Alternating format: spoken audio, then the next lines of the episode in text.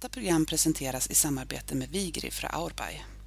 Vigri är efter avelsmatadoren Orri fra Thovo och undan Vigdis fra Fet och han är således helbror med Vilmundur fra Fet. Vigri är en vacker femgångshäst med 8,48 exteriörbedömning, 8,23 för ridegenskaper och en totalbedömning på 8,33. Sommaren 2018 tar Vigri emot ston för beteckning. För mer information se www.vigri.se. Lucka nummer 13. Hej och välkommen till Islandshästpoddens julkalender. Idag har vi ett porträtt av ingen mindre än Mette Manset. Hej Mette! Hej. Välkommen! Tack.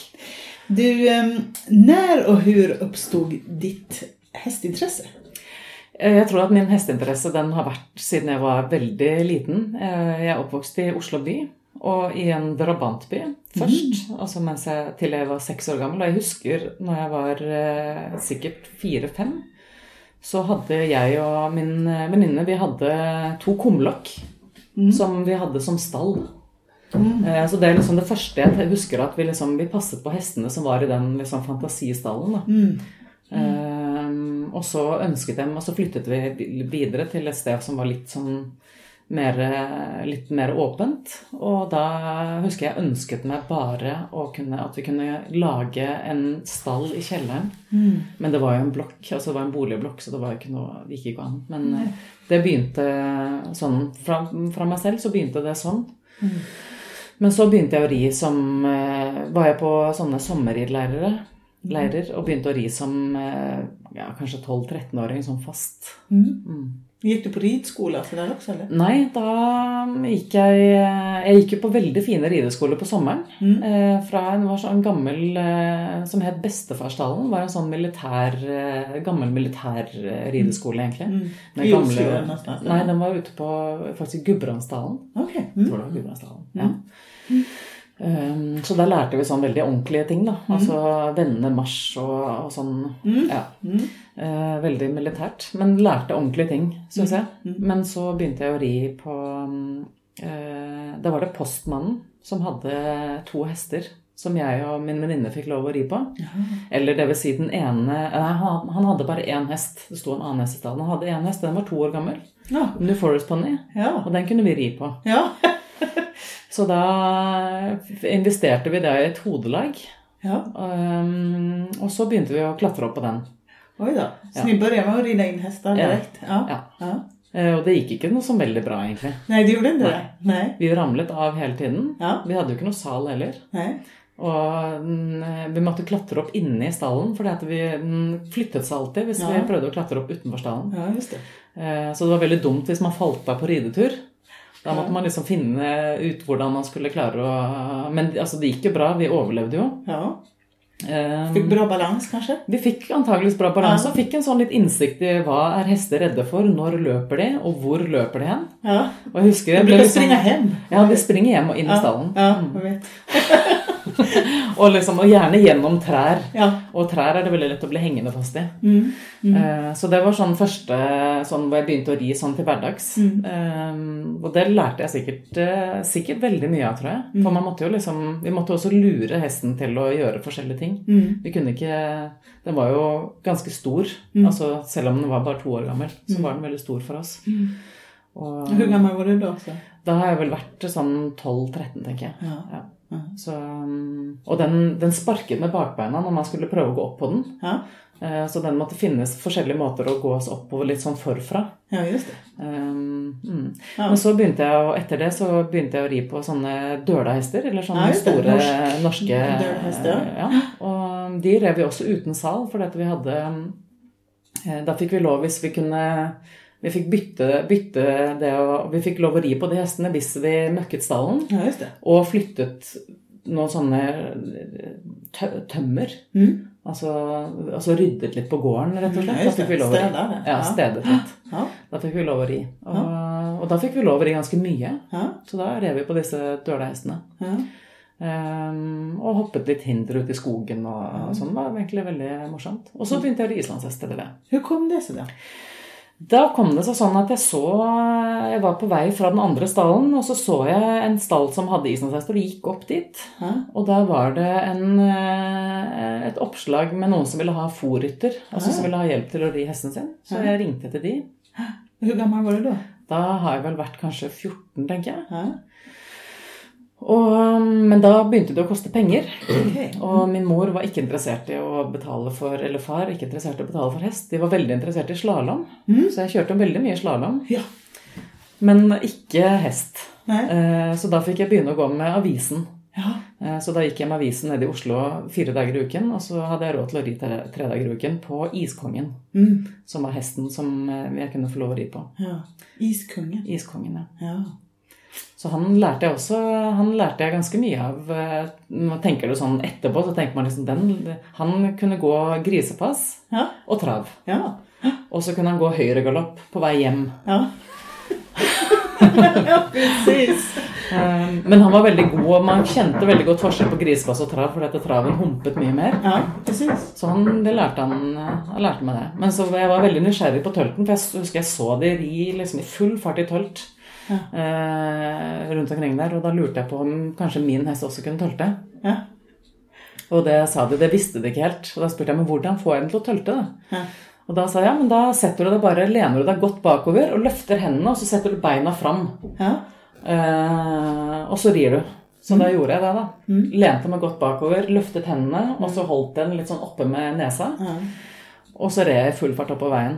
Og så kom de andre etter, etter meg, og så stoppet vi og sa Var det tølt? Ja. Nei, det var vel egentlig ikke det. så da har det vel vært grisepass, da. ja. Eh, Men så fikk vi til litt tølt etter hvert, da. Ja. Mm, Ja. Du, ehm, du jobber med hester? ja. Mm. Berätta om det lite. Å jobbe med hest, eh, Ja. det har jeg gjort eh, Jeg gjorde det veldig mye på sommeren jeg, mens jeg gikk på gymnaset. Mm. Og så begynte jeg å, har jeg jobbet mer og mindre med hest etter det også. Mm. I Norge da? Eh, litt i Norge, og så her på Island. Mm. Du flyttet flyttade til Island som, efter gymnasiet? Ja, etter Ja. gymnaset. Mm. Og tok, gikk på universitetet her på Island og tok islandsk grunnfag. Mm. Og mm, så har jeg jobbet på Hola siden 2000. Mm. Og mm, ja, jeg har vel drevet med hest i den tiden. Mm. Eh, og det er jo litt eh, Fra en som kommer fra en akademikerfamilie Mm. midt i Oslo, så er det veldig urealistisk, egentlig. Mm. Det var jo aldri noe som var eh, Det var jo ikke noen som jobbet med hest, liksom. Nei, just det. Det var inget riktigt jobb kanske? Nei. Nej. Det var det egentlig ikke. Ikke for, nei. Mm. Det tok litt tid før familien min så at det var faktisk noe man kunne gjøre. Mm. Mm. Mm. Spännande. Och nu jobbar du på Holar. Ja, nå jobber jeg på Holar. Har du jobbat med någonting annat? Någon gång? Ja, du Ja. Bare, bare ut eh, tidninga, eller? ja jeg, hadde, jeg hadde masse forskjellige jobber når jeg var eh, som ungdom. Som hadde, hadde masse andre jobber. Okay. Ja. Eh, bare ut avisen. Jeg hadde vasket hjemme hos folk og jobbet på sånn kafé. Just eh, solgte, solgte aviser på gaten. Mm, solgte ja, ting på telefonen. Eh, forsikringer og litt sånn. Vi prøvde masse forskjellige ting. Ja. Mm, Men nå er du ridelærer på Holar og der trivs du bra? Veldig bra. Ja, Mm, ja härligt. Om du inte hade jobbat med hästar, mm. vad tror du att du hade jobbat med då? Alltså planen var å bli veterinær. Okej. Ja, Mm. det, det var det. Mm. Men eh, jeg var ikke, hadde ikke karakterer til å komme inn på veterinærhøgskolen. Nei. Så da måtte jeg finne på noe annet. Mm. Og det er jeg egentlig veldig glad for. Ja. For jeg ser at veterinærer de rir ikke så veldig mye. Nei. Nej. Och sover dåligt på nätterna. Och det blir så- hele utringda hela Ja. tiden på... Nettopp. Ja. Så jeg syns jeg er veldig heldig som kan jobbe med eh, hobbyen min. Mm. På det Mm. tenker at hvis man hadde vært Hvis man hadde liksom vært veldig, veldig rik, Mm. så hadde man sikkert eh, kjøpt masse hester og prøvd å få ri hele dagen. Ja. Men det er jo det man gjør. Ja. Härligt. Kan du berätta om en hest som har betytt mye for deg? Ja.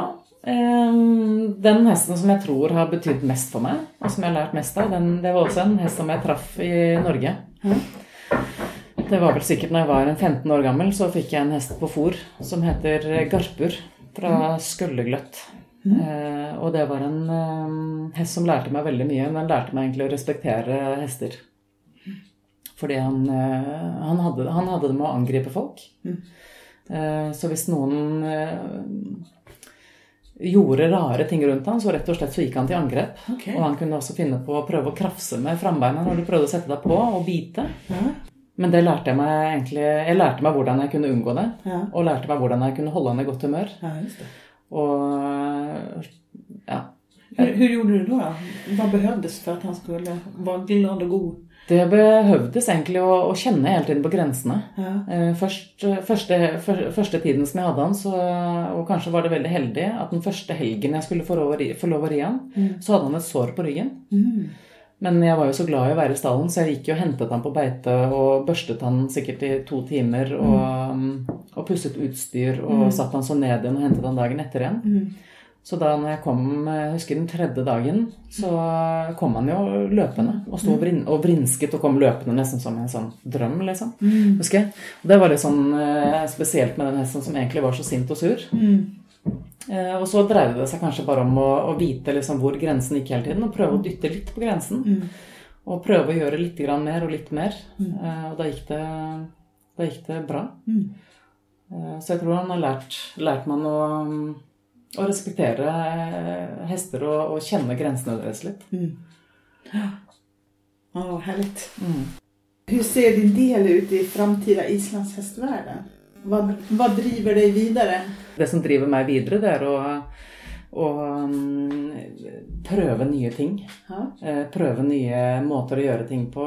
Eh, og ha hele tiden og, altså Det som kanskje er min Hva skal man si for noe? Retning, på en måte. Eh, det er å prøve å finne eh, treningsmetoder. Altså både, Da tenker jeg på liksom hestens motivasjon og hvordan den utvikler seg fysisk. fysisk. Som eh, er så bra som mulig for hesten selv. Altså for hver enkelt, eh, enkelt hest. Mm. Eh, Så det er kanskje det som eh, eh, Det som driver meg mest videre, er vel egentlig nysgjerrighet. Prøve nye ting som jeg ser, nye ideer som jeg får, eller som jeg tror jeg har fått fordi jeg har hørt det et eller annet sted, og så plutselig så dukker det opp i hodet mitt.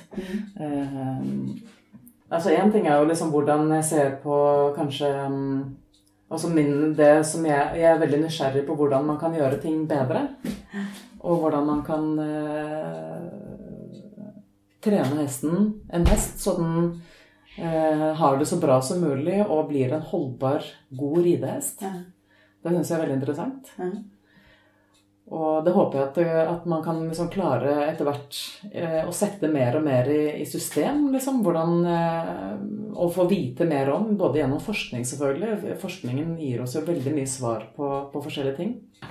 De, og det er kanskje de stundene som du føler at du At faktisk hesten trives med arbeidet som du gjør. Ja. At du føler at det er faktisk bra for den. At du både stimulerer den liksom fordi den får en oppgave, og syns det er en At den føler seg bra fordi at den har fått en oppgave som den har klart. Ja.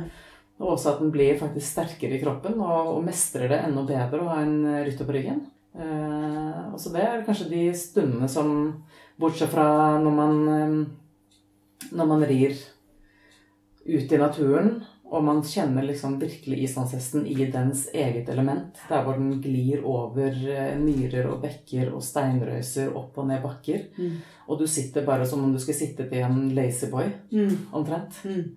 Eh, det er jo de stundene du virkelig liksom kjenner hva islandshesten er skapt for. Mm. Og så er det de stundene som du eh, har gjort en treningsøkt med en hest, hvor du virkelig kjenner at hesten har trives med det den gjør. Mm. Det synes jeg er veldig, Og er motivert. Og den er glad for eh, eh, Virker som den er glad for oppgaven sin. Mm. Det synes jeg er, eh, så jeg håper det er det man driver deg litt videre. Det er liksom de, de øyeblikkene som oppstår. Mm. eh, oppstår der. Mm. Ja, det skal bli jättekul å følge deg framover også og se ditt jobb. Ehm, Stort tack för att du tog dig tid och god jul och gott nytt år. Ja, takk. Detta program presenteras i samarbete med Vigri fra Aurbay. Vigri är efter avelsmatadoren Orri fra Thovo och undan Vigdis fra Fet och han är således herbror med Vilmundur fra Fet. Vigri är en vacker femgångshäst med 8,48 exteriörbedömning, 8,23 för ridegenskaper och en totalbedömning på 8,33. Sommaren 2018 tar Vigri emot ston för beteckning. För mer information se www.vigri.se.